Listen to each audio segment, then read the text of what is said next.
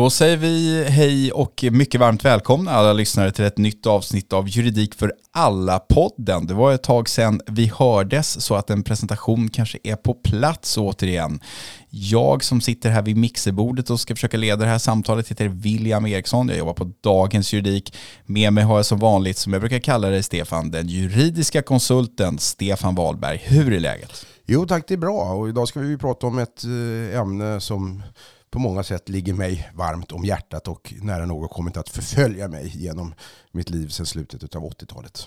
Ja, vi har ju skannat nätet och mejlkorgar och annat efter ämnen att prata om i den här podden och något som tycks engagera inte bara dig Stefan utan väldigt många andra.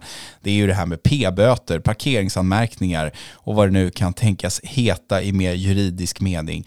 Eh, själv kan jag säga att jag har fått rätt många sådana här böter. Jag har aldrig orkat bråka med någon om dem utan jag har bara snällt betalat, jag har svurit eh, och eh, bitit mig själv i läppen men jag har ändå till slut betalat. Du är ju lite av en annan skola här. Du kan inte ha betalat många p-böter i ditt liv.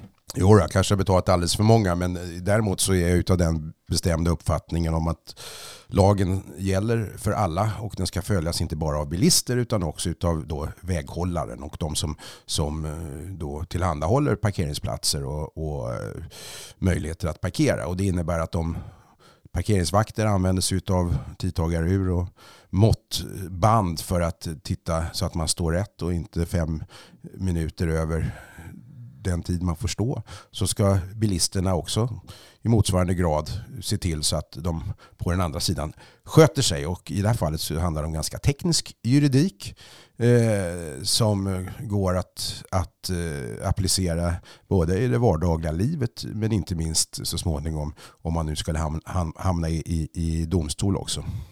Det, det som är intressant med det här är att oavsett i vilket forum eller på vilken plats man är någonstans så är ju det här ett samtalsämne som kan komma upp i lite när som helst. Det finns alltid någon som har fått en p-böter som är förbannad på det eller någon annan som har hört om någon annan som har sett en parkeringsvakt som minsann har stått där med det här tidtagaruret och jag mätte ju själv med laser och jag stod ju inte för nära korsningen eller jag stod ju inte på lastplatsen i mer än si eller så många minuter och så.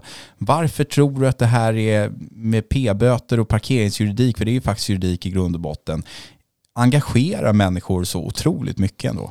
Alltså till att börja med tycker jag att det är viktigt att redan här och nu understryka att det här handlar inte om något krig mot parkeringsvakterna eller lapplisorna eller penissarna. De gör sitt jobb och de ska, ska följa de lagar som gäller. Utan om man på något sätt ska prata i termer av att någonting ska angripas eller kanske kontrolleras i de här sammanhangen så är det systemet som sådant, för det fallerar många gånger. Men för att svara på din fråga va, så, så tror jag att orsaken till att intresset och inte minst engagemanget är så stort när det gäller sådana här frågor Eh, bottnar i att det till att börja med berör väldigt, väldigt många. Det här är vardagsjuridik när den är som så att säga mest handfast och ingripande i helt vanliga människors liv. Men utöver det, för det har vi väldigt mycket annan juridik som är till exempel skatterätten som de flesta då, även om det är politiska frågor i botten, trots allt accepterar när vi nu har ett visst skattetryck eller vad det nu må vara. Men det jag tror och har genom de här årtionden jag har hållit på med parkeringsjuridik uppfattat, det är att människor när man här, försöker grotta i, i, i, deras engagemang och reaktioner på, på p-böter anser att sanktionen inte står i rimlig proportion till överträdelsen. Va? Och att det så att säga, därför finns något fel på det här systemet och att man tar lågt hängande frukt för att få in pengar till då både de privata markägarna men också till kommunerna. Och att, jag stoppar dig en sekund här bara, för du säger sanktionen står inte i proportion till överträdelsen. Det är, det är ett ganska högfärdigt sätt att uttrycka sig på. Du menar alltså det är för dyrt att betala 1200 kronor för att man står på lastplats. Det är inte rimligt. Ja, just, ja det, så kan det vara. Just lastplats kanske inte människor upprör så mycket över utan det man normalt hör det är ju att, att, att människor som tycker att de inte har stått i vägen och det gör man faktiskt på lastplats.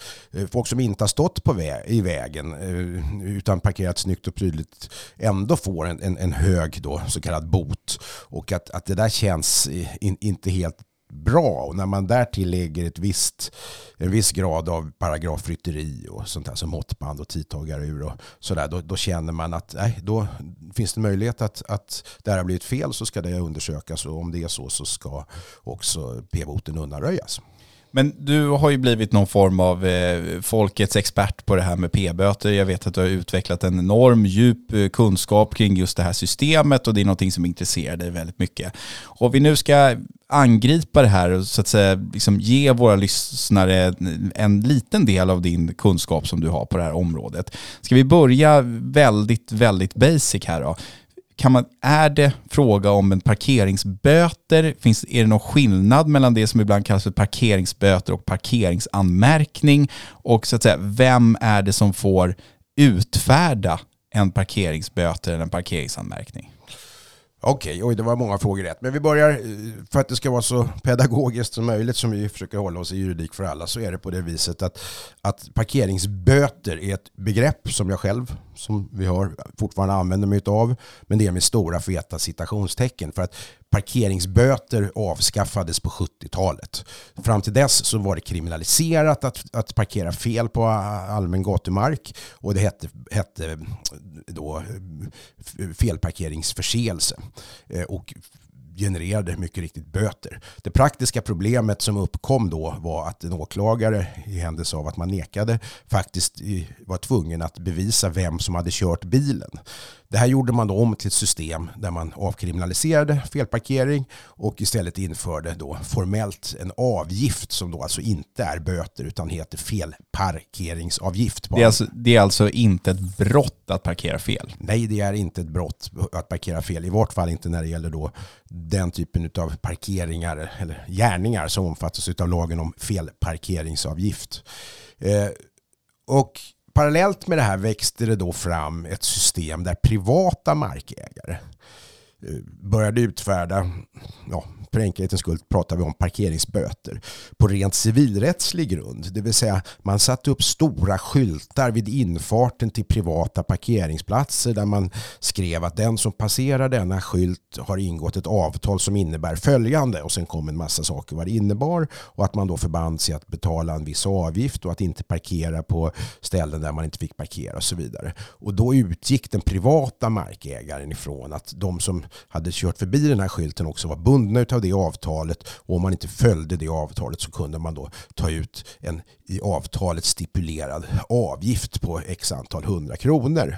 Och det här blev väldigt rörigt och väldigt, väldigt, väldigt obegripligt rent ut sagt för, för bilisterna. Så efter, efter en tid så, så, så, så apade man efter från lagstiftarens sida den lagstiftning som hade kommit beträffande felparkeringsavgifter. Alltså det som gällde på allmän platsmark, alltså på kommunal mark och sådär. Och då hoppade man efter den och några år senare så skapade man en annan lag som heter lagen om kontrollavgift vid olovlig parkering som till vissa delar och kanske till och med stora delar är, är, är väldigt lik den för då om vi kallar det för kommunal mark, platsmark, allmän platsmark. Och, och eh, då har man i folkmun kommit att kalla även de här då kontrollavgifterna för parkeringsböter eller privata parkeringsböter. Det gäller lite olika regelverk för de här två och inte minst processmässigt, det vill säga om man hamnar i domstol så gäller två helt olika regelverk för dem. Men jag tycker vi ska försöka hålla isär dem där. Det finns alltså felparkeringsavgift, det gäller på allmän platsmark, alltså till exempel kommunal mark. Och så finns det då kontrollavgift och det gäller på rent privat mark där tomtägare övervakar sin egen sin egen eh, tomtmark. Så om vi sammanfattar det här lite grann så kan man säga ett, det är inte ett brott att parkera fel. Det är viktigt att understryka tycker jag eftersom du ändå var inne på att det har varit det tidigare. Två, det finns olika typer. Det finns en kontrollavgift och det finns en anmärkning som man kan få alltså. Ja, felparkeringsavgift kallas också. Det, den lapp som sätts på vindrutan heter ju parkeringsanmärkning. Men den utfärdas då enligt lagen om felparkeringsavgift och själva avgiften som man betalar heter just felparkeringsavgift. Men det är korrekt att även använda ordet parkeringsanmärkning för att röra till det här ytterligare när det gäller offentlig rättslig parkering på alltså allmän platsmark. Ja, och sen till den sista frågan i det här ganska långa frågebatteriet som jag ställde till dig samtidigt då. Vem är det som får utfärda, alltså sätta själva anmärkningen på din bil? Ja, det här är viktigt för det här kan nämligen vara avgörande för huruvida kontrollavgiften när det gäller privat parkering eller felparkeringsavgiften när det gäller offentlig rättslig parkering är giltig eller inte. Om vi då börjar med felparkeringsavgiften, alltså på kommunal mark för enkelhetens skull. Det är, väl, är det det vanligaste tror du att man parkerar fel på kommunal mark? Det kan, jag kan faktiskt inte svara på vad som är vanligast, men det är ju det som är, så att säga, det är, det som är utflödet av de gamla riktiga parkeringsböterna så att säga. Eh, det är det vi kallar för lapplisor normalt, eller parkeringsvakter och pianissar som springer runt och bötfäller som man säger människor på gator och torg och så vidare. Och då är det väldigt viktigt att känna till att det här får inte vem som helst göra. Till att börja med så är det också viktigt eh, att påpeka att parkeringsövervakning på allmän plats är primärt en polisiär uppgift. Det var det fram till dess att, att eh, eh, det här avkriminaliserades och det är det fortfarande. Det är därför man också överklagar då parkeringsböter till polisen. Därför att det var ursprungligen polisen som skötte övervakningen eftersom det var ett brott. Va? Sen, sen infördes då ett system där kommunerna gavs rätt att anställa parkeringsvakter. Detta är liksom historiska, den historiska bakgrunden. Men den har faktiskt bäring även på hur det fungerar idag. Därför att för att få utfärda då felparkeringsavgifter, parkeringsanmärkningar från en kommunal eh, myndighets sida, vilket de allra flesta p-böter som vi kallar det för då lite slarvigt faktiskt görs. Det kommer ju från, från, från kommuner eh, från, och inte från polisen. Eh, så, så krävs det till att börja med att kommunfullmäktige i den kommunen har fattat ett formellt beslut om att kommunen skall få utfärda egna p-böter. Och det här var tidigare något som krävde ett godkännande från staten, det vill säga det var länsstyrelserna en gång i tiden som godkände att kommunerna fick börja utfärda parkeringsböter.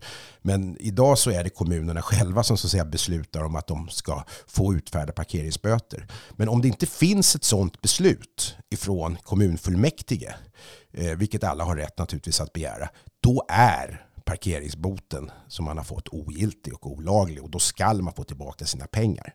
Punkt slut.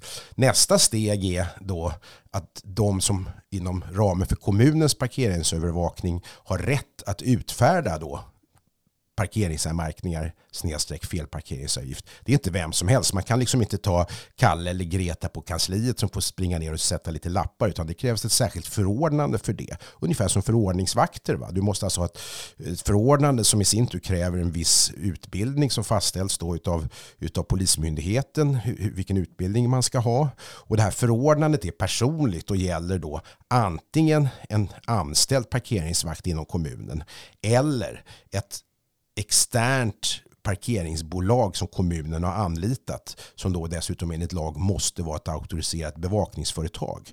Men varje person som utövar parkeringsövervakning från då ett anlitat privat parkeringsbolag, ett av kommunen anlitat privat parkeringsbolag, måste ha ett personligt förordnande från kommunen som ger dem rätt att utfärda parkeringsböter. Och det innebär att det förordnandet har man naturligtvis också rätt att utfå som gratis och som allmän offentlig handling från kommunen om man begär att få ut den och den parkeringsvaktens förordnande och se att personen i fråga alltid har det verkligen har det. Jag har personligen drivit något sådant ärende och, och eh, visade för ett par år sedan att en kommun i, i, i Sverige, nämligen Knivsta kommun, under fyra år hade haft eh, parkering, en parkeringsvakt som helt hade saknat förordnande och därför var alla de parkeringsböterna då, då eh, olagligt utfärdade. Så det är det som gäller för kommunal parkeringsövervakning. Det måste finnas ett beslut från kommunfullmäktige om att de ska utfärda, att de ska utfärda egna då, felparkeringsavgifter, parkeringsanmärkningar och de som de facto rent operativt utfärdar dem måste vara antingen anställda och väl utbildade på området av kommunen eller anlitade från ett auktoriserat bevakningsföretag och då har personliga förordnanden för att få i kommunens namn fatta beslut om att utfärda parkeringsanmärkningar. Så innan vi går in på vad som gäller när det handlar om privat mark så kan man då säga, om, låt säga att du får en sån här p-böter är det här steg du rekommenderar till en person som också får det då, som känner sig tveksam till huruvida den här böten är korrekt utfärdad? Ska man liksom gå den här vägen att man först tittar, finns det ett beslut från kommunfullmäktige? Har de här personliga förordnanden och kommer de från ett auktoriserat bevakningsföretag. Är det så att säga, för att använda ett lite mer juridiskt språk, grunder som man kan använda för att överklaga eller bestrida en, en sån parkeringsböter som man har fått? Svaret på den sista frågan är definitivt ja. Man kan säga att det är bättre att angripa en parkeringsbot på formella grunder, det vill säga att det saknas till exempel ett sånt här beslut eller ett förordnande, då är det ingen diskussion. Då kommer p-boten att undanröjas. Eh, om man sen vill vara så grundlig i alla sina ärenden, det är lite grann upp till var och en att bedöma. Jag har ju då naturligtvis ett, ett, ett sånt här mejl som jag då skickar iväg med jämna mellanrum till olika kommuner och efterfrågar hänvisning till offentlighetsprincipen eh, de här handlingarna för att veta att allting är i sin ordning. Och jag kan säga att Sveriges största kommun, nämligen Stockholms stad, det, de hade väldigt svårt att hitta det här beslutet ifrån fullmäktige en gång och jag fick till och med besked om att något sådant beslut inte fanns. Så att när jag inledde en, en, en process emot dem så, så lyckades de i sista stund med hjälp av en kommunjurist faktiskt i arkivet säkra upp det här beslutet så att inte alla böter sedan 30 år i Sverige skulle ha varit olagligt, eller förlåt mig, i Stockholm skulle ha varit olagligt utfärdade. Okej, då har vi en ganska bra bild eh, av vad som krävs för att man ska få utfärda den här typen av böter på kommunal mark. Då går vi över till den privata sidan. Vad är det som gäller då? då? Ja, till skillnad från det här då som jag många gånger använder ordet offentligrättsligt, alltså när det gäller den offentligrättsliga parkeringen som är på allmän platsmark, låter sig formellt, så finns det då privat mark, det vill säga tomtmark som ägs av privatpersoner företrädesvis. Eller, eller företag kan jag säga, eller, eller andra också. Men det är privat ägd mark. Och där gäller då den här lagen om kontrollavgift vid olovlig parkering. Och enligt den så är det primärt då markägaren som har rätt att utfärda kontrollavgifter eh, för olovliga parkeringar. Alltså, alltså bilister som inte följer de vägmärken och villkor som har satts upp på den privata tomtmarken. Det är väldigt sällan som markägaren själv tomtägare eller vad det nu vara, bostadsrättsföreningar och köpcenter och sådär. Det är väldigt sällan att de alltså, naturligtvis själva går ut och, och, och, och, och med blocket i högsta hugg utfärdar kontrollavgifter utan de anlitar då professionella parkerings bolag för detta ändamål. Och det får man göra. Precis som i alla, eller de allra flesta civilrättsliga sammanhang så kan en markägare överlåta eh, den här rättigheten då, då på ett, ett, eh, på privata aktörer. Där finns det inget krav på att det ska vara ett auktoriserat bevakningsbolag vill jag påpeka. Eh, däremot finns det krav på att markägaren ska tillse att den som utfärdar kontrollavgifter har erforderlig utbildning och kunskap på området. Det ansvaret vilar på markägaren. Eh, detta är ofta då professionella parkeringsbolag. De kan vi säga är av skiftande kvalitet. Vissa är högst seriösa och, och eh, väldigt duktiga på det här, inte minst det juridiska. Andra är mindre duktiga och mindre seriösa och vissa är enligt min uppfattning närmast att betrakta som rena maffiaföretag. Men då tycker jag att vi har rätt ut ganska bra vad det är som gäller och skillnaden här mellan att parkera på kommunal mark och parkera på privat mark. Sen är det ju så här att det är ett virvar, ett mischmasch. Det finns hur mycket frågor som helst som rör det här ämnet som vi ska prata om. Så jag tycker vi tar en kort liten paus här och sen så ska vi gå in på de lite större frågorna som handlar om hur gör man om man vill bestrida eller överklaga en p-böter? Vad är det som gäller kring de här bolagen som utfärdar dem och så vidare och så vidare. Vi är strax tillbaka.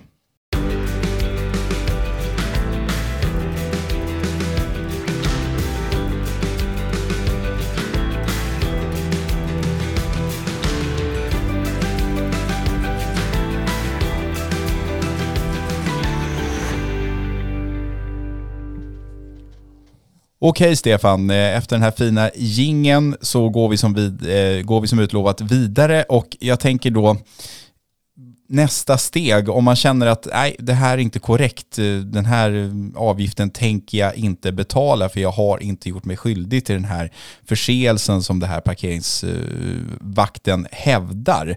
Vad gör man då?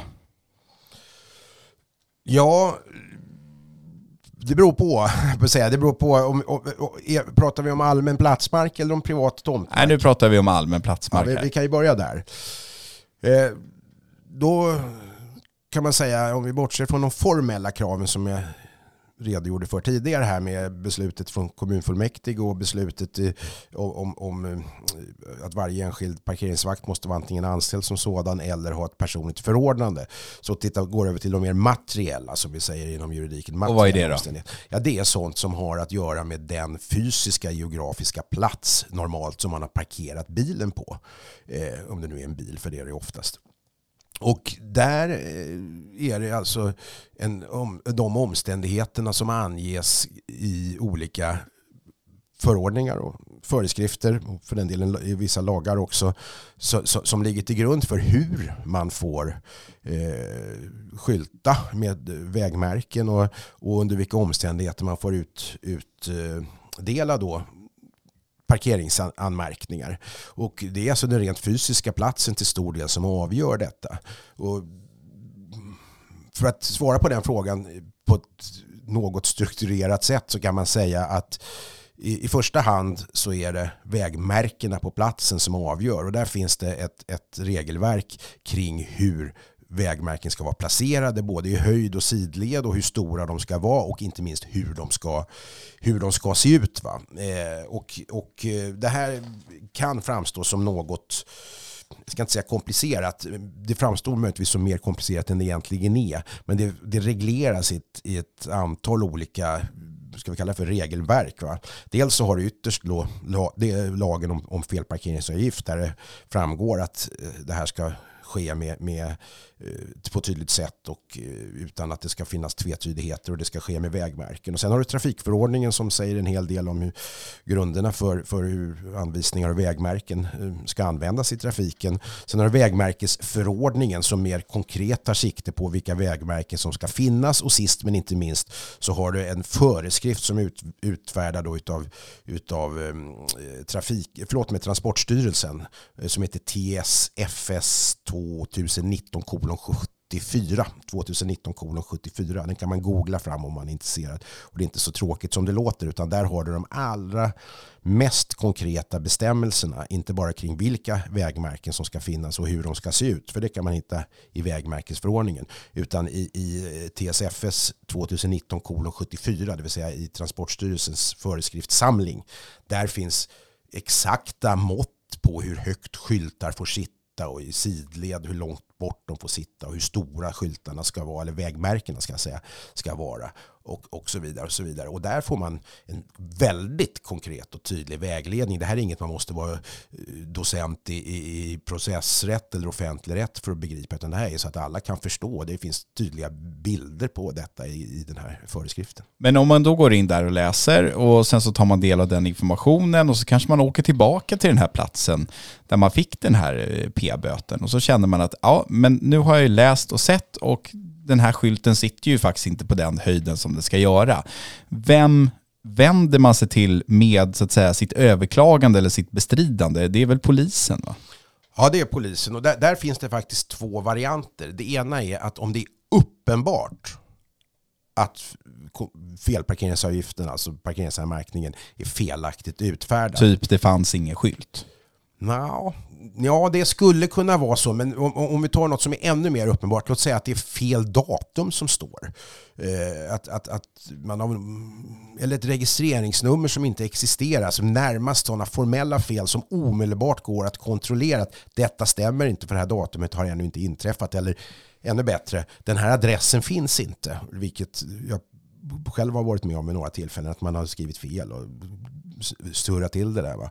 Då kan man åka omedelbart till en polisstation och så har då polisman av viss grad, oftast är det motsvarande vakthavande befäl eller stationsbefäl, rätt att med omedelbar verkan undanröja betalningsansvaret. Men det krävs att det är uppenbart, det vill säga de vill inte ha dit folk som står och tjafsar om huruvida en skylt satt två centimeter för högt eller inte när de inte kan kontrollera det. Det vanligaste är då att man gör precis det du sa, att man överklagar då parkeringsvaktens eller polismannens beslut om att utfärda eh, parkeringsanmärkningen. Och det gör man skriftligen till, mycket riktigt då, Polismyndigheten. Där det finns ett antal handläggare som, som då översköljs med överklaganden eh, och tar ställning till Finns det grund för att undanröja eller finns det inte grund för att undanröja detta? Och om polisen då eh, så att säga är på samma linje som den person som har utfärdat det här, finns det då ytterligare möjligheter för mig som eh, den parkerande personen att överklaga polisens beslut ännu en gång? Ja, alltså om polisen går dig emot om polisen säger att det här köper vi inte, det här är, du påstår är antingen fel eller du har inte bevisat det du påstår eller, eller eh, så här förhåller det sig inte eller den grund du anger anser inte vi är tillräcklig för att vi ska undanröja betalningsansvaret. Då finns det alltså möjlighet att, att gå ett steg längre i det här sammanhanget. Då går man nämligen till tingsrätten och, och det man gör är rent formellt att man överklagar polismyndighetens beslut till tingsrätten. Och det här är inte något dramatiskt alls. Det här är ingenting som kostar pengar. Det är ingenting som man behöver oroa sig för om man skulle förlora i tingsrätten. I de allra flesta fallen avgörs det här utan en så kallad huvudförhandling, det vill säga utan det man i folkmun kallar för rättegång. Det avgörs nämligen på handlingarna. Och eh, det avgörs ofta av unga domare, då oftast eh, ska kanske säga i alla fall ofta, utav så kallade notarier, alltså domare under utbildning, färdiga jurister med domare under utbildning vid tingsrätterna. Eh, eller av fiskaler, för den delen om det är av något mer eh, komplicerat slag så kan det naturligtvis lyftas till en ordinarie domare i form av rådman och så vidare. Men det är, det, det är enmansdomare som avgör detta.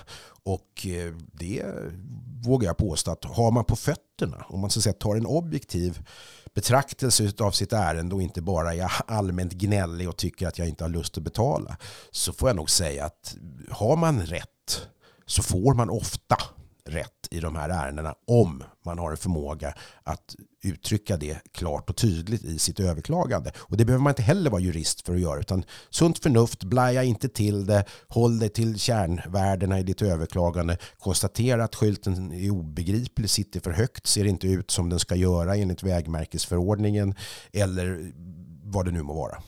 Om vi säger så här då, det uppstår en sån här situation, du överklagar saken till tingsrätten och så är det faktiskt så att ord står mot ord. Det är ditt ord mot den här parkeringsvaktens ord.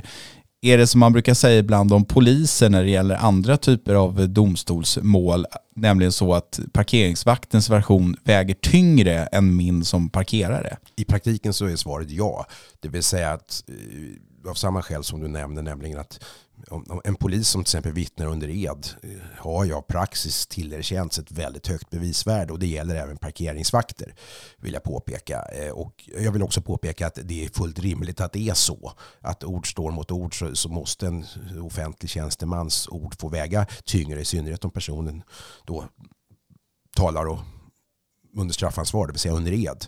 Eh, det, så är det. Och eh, det innebär inte att man behöver förlora för det. Därför att jag tycker i de här sammanhangen att min, min absoluta rekommendation ska jag säga i, i de här sammanhangen när man vet att det har blivit felaktigt i, i en, när det gäller en parkeringsbot det är att säkra konkret så mycket bevisning som möjligt i form av fotografier. Alla människor har ju idag en kamera närmast med sig i sin, i sin mobiltelefon och fotografier eh, som tas helst i samband med att eh, p-boten har utfärdats. Men allra helst, precis som jag själv gör, innan p-boten har utfärdats. Det vill säga varje gång jag parkerar min bil vare sig det är på privat mark eller på, på, på allmän platsmark, så tar jag en bild av bilen som visar hur bilen står placerad eh, och även i bästa fall vilka vägmärken som, som satt eh, vid det tillfället där och då. Det går så snabbt och hela min telefon är fylld av det här och jag vet att jag låter som väldigt nörd nu men jag har faktiskt haft användning av det eftersom det ibland i efterhand påstås då att den här bevisningen är en efterhandskonstruktion. Och om den här bilden är tagen, vilket ju då som bekant vattenstämpeln, den digitala vattenstämpeln i telefonen kan visa vid en viss tidpunkt och den tidpunkten ligger före utfärdandet utav, utav p-boten så utgör den ett väldigt, väldigt starkt bevis för att det faktiskt förhöll sig på det viset som bilden utvisar.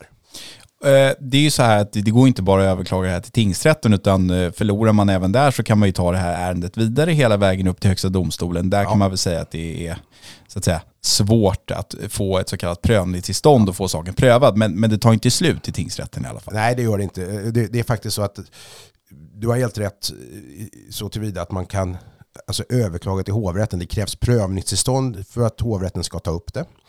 Eh, och eh, ja, jag kan inte säga att man är hårdare när det gäller prövningstillstånd i hovrätten på parkeringsärenden än, än många andra då, små mål. Utan finns det ett principiellt värde av att lyfta det så, så gör man det. Däremot vill jag påpeka att det enligt den så kallade då ärendelagen, det vill säga det här räknas som ärenden och inte fullgoda mål i domstolarna trots allt, är, krävs särskilt eh, det krävs särskilt tillstånd från hovrätten för att få över, ens överklaga till högsta domstolen för den enskilde parten. Det här kan man diskutera, det ska vi inte göra här och nu, därför att Polismyndigheten har nämligen rätt att alltid begära prövningstillstånd i högsta domstolen för ett sånt här ärende, vilket en, en privatperson då inte har. Eh, än en gång, vi ska inte diskutera det, men jag vill bara för sakens skull påpeka att det här kan ifrågasättas kraftigt om den svenska lagstiftningen på området inte står i strid med Europakonventionens bestämmelser om så kallade quality in arms, det vill säga parternas rätt till jäm, jämlikhet i processen. Ja, skälet till att jag lyfte det här med hela rättskedjan, det var att en ganska vanlig fråga som, som många ställer i olika forum är att man kan ju ha bestridit en sån här avgift, men trots detta få en påminnelseavgift om att det är dags att betala. Och då finns det två frågor att ställa, nämligen är det korrekt att skicka ut en betalningspåminnelse trots att personen i fråga har bestridit? Och två, hur ska man agera när man får den här betalningspåminnelsen? Ja, det, det är korrekt. När det gäller offentlig rättslig parkering, alltså det som sker på allmän Kommunal mark igen. Ja, exempel. absolut. Va?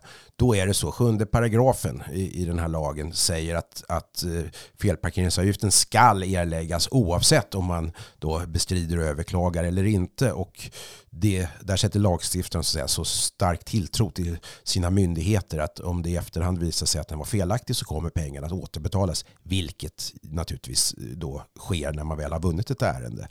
Det vill säga man måste i de här offentligrättsliga sammanhangen alltid betala eh, innan man bestrider. Eh, Däremot så är det ju så att om du bestrider, och det här är en rätt viktig sak, det finns en missuppfattning där ute kring, kring vad som kan hända eh, om man inte då bestrider. Eh, eller rättare sagt, om man bestrider och, och Polismyndigheten inte går med på att undanröja betalningsansvaret. Då är det så att om du bestrider och anger en, en, en, inte helt osannolik grund för att du bestrider, då kan inte ärendet lämnas till Kronofogden och ut, för utfärdande av ett betalningsföreläggande. För då ska det gå till, till eh, domstol så får domstolen avgöra det. Kronofogden kan bara ingripa om, om man i och för sig medger att det är en felparkering men att man vägrar betala av politiska skäl eller för att man inte har råd eller vad det nu må, må vara. Så är det. Så det är ändå viktigt att understryka att så länge man har eh, någon form av eh, rimlig grund så riskerar man så att säga inte att få en prick hos Kronofogden om man inte betalar.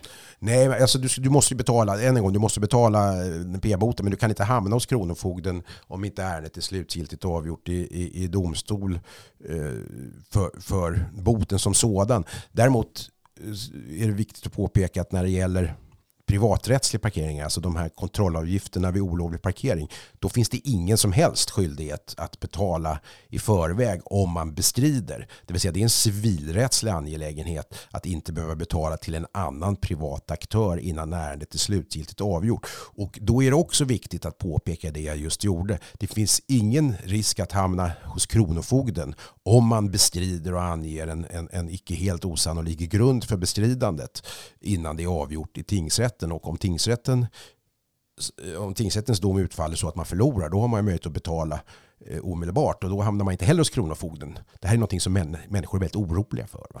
En annan fråga som aktualiseras av precis det du sa just nu, det är ju frågan om man då går i tvist så att säga med ett sånt här privat eh, bolag, riskerar det att kosta mer pengar då i ett sånt sammanhang än om man så att säga, överklagar en bot som kommer från det kommunala?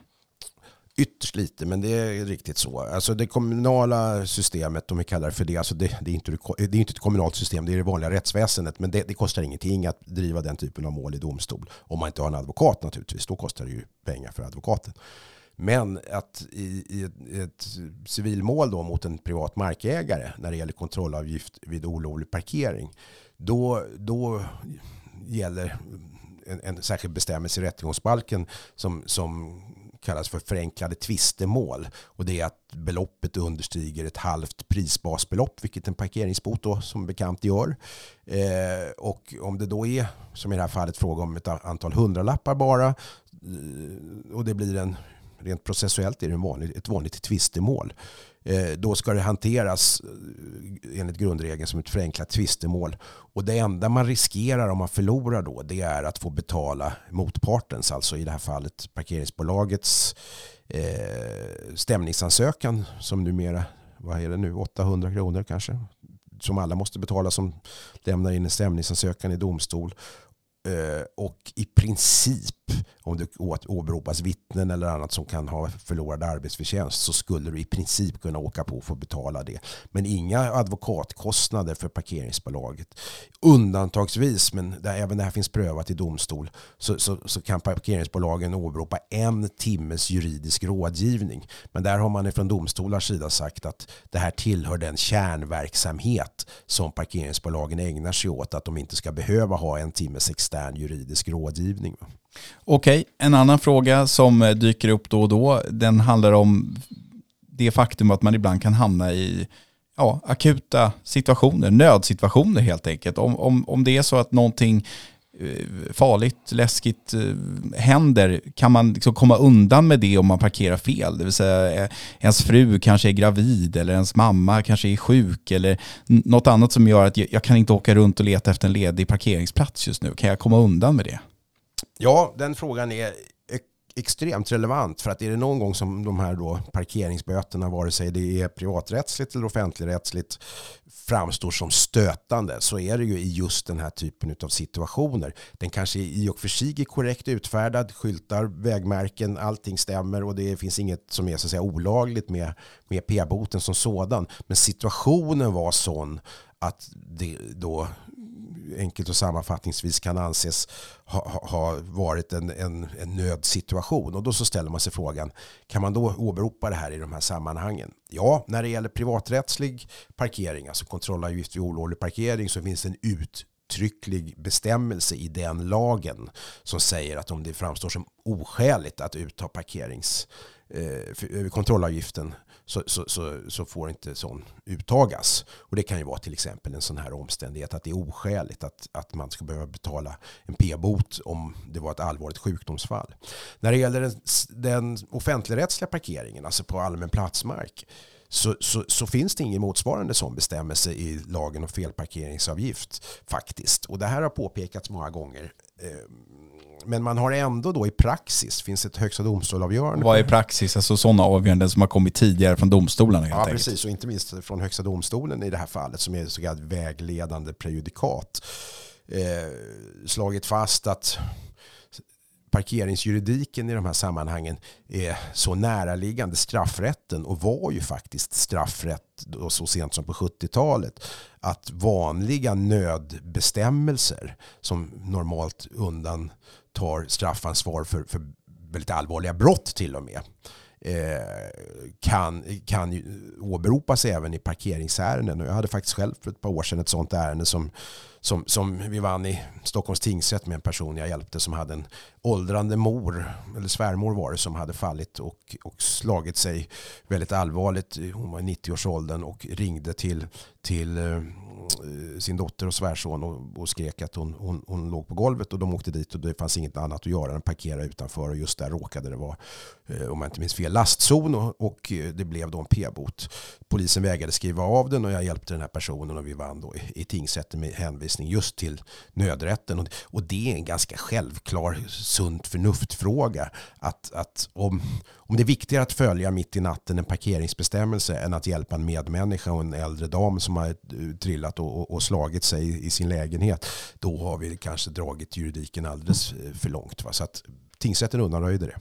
Så här är det Stefan, tiden springer iväg lite. Jag undrar, är det någonting som du tycker att vi inte har fått med hittills som du tycker är viktigt att, så att säga, lyfta upp för den som är intresserad av det här och som tänker att man kanske någon gång har fått en felaktig parkeringsanmärkning? Det finns en grej som när det gäller den offentligrättsliga parkeringen som vi har pratat ganska mycket om här. Det vill säga det som jag min papegojas envishet upprepar som, som allmän platsmark. Det är nämligen så att utöver de här fysiska eh, vägmärkena och vägmarkeringarna som då enligt vad jag tidigare nämnde förordningar och föreskrifter ska finnas på den plats där man har parkerat. Vägmärken ska sitta rätt och sådär. Eh, så finns det en annan sak som, som också är ett eh, ovillkorligt krav. Eh, nämligen att lokala trafikföreskrifter, till exempel parkeringsförbud, eh, som märks ut med vägmärken, måste enligt lag eh, offentliggöras eller kungöras som det så eh, fint eh, heter på en eh, webbplats numera. Fram till för ett antal år sedan så skulle det göras i, i varje kommun kunde man gå upp och titta i en särskild karta vad som gällde. Men numera så finns det en lag som, som säger att det ska på en särskild webbplats kungöras och alltså offentliggöras vilka lokala trafikföreskrifter som, som gäller. Och den här webbplatsen är naturligtvis allmänt tillgänglig och drivs av Transportstyrelsen. Den heter stfs.se, alltså www.stfs.se och STFS står för, för eh, Svensk trafikföreskriftssamling. Så stfs.se och där kan man söka via kartor, via adress, via kommun. Det är en funktion som, som är ganska bra. Eh, fritext söka fram inte bara parkeringsförbud utan även hastighetsbegränsningar och så som ska gälla enligt lokala trafikföreskrifter som alltså utfärdas av företrädesvis kommuner. Eh, på de platser där man då kanske har fått en p-bot. Och då kan man se, har kommunen alltså fattat ett beslut om att här ska det råda parkeringsförbud, då skall det finnas infört här. Och om det inte finns infört i stfs.se, då kommer p-boten att undanröjas. Det är en enkel koll va, som alla kan göra.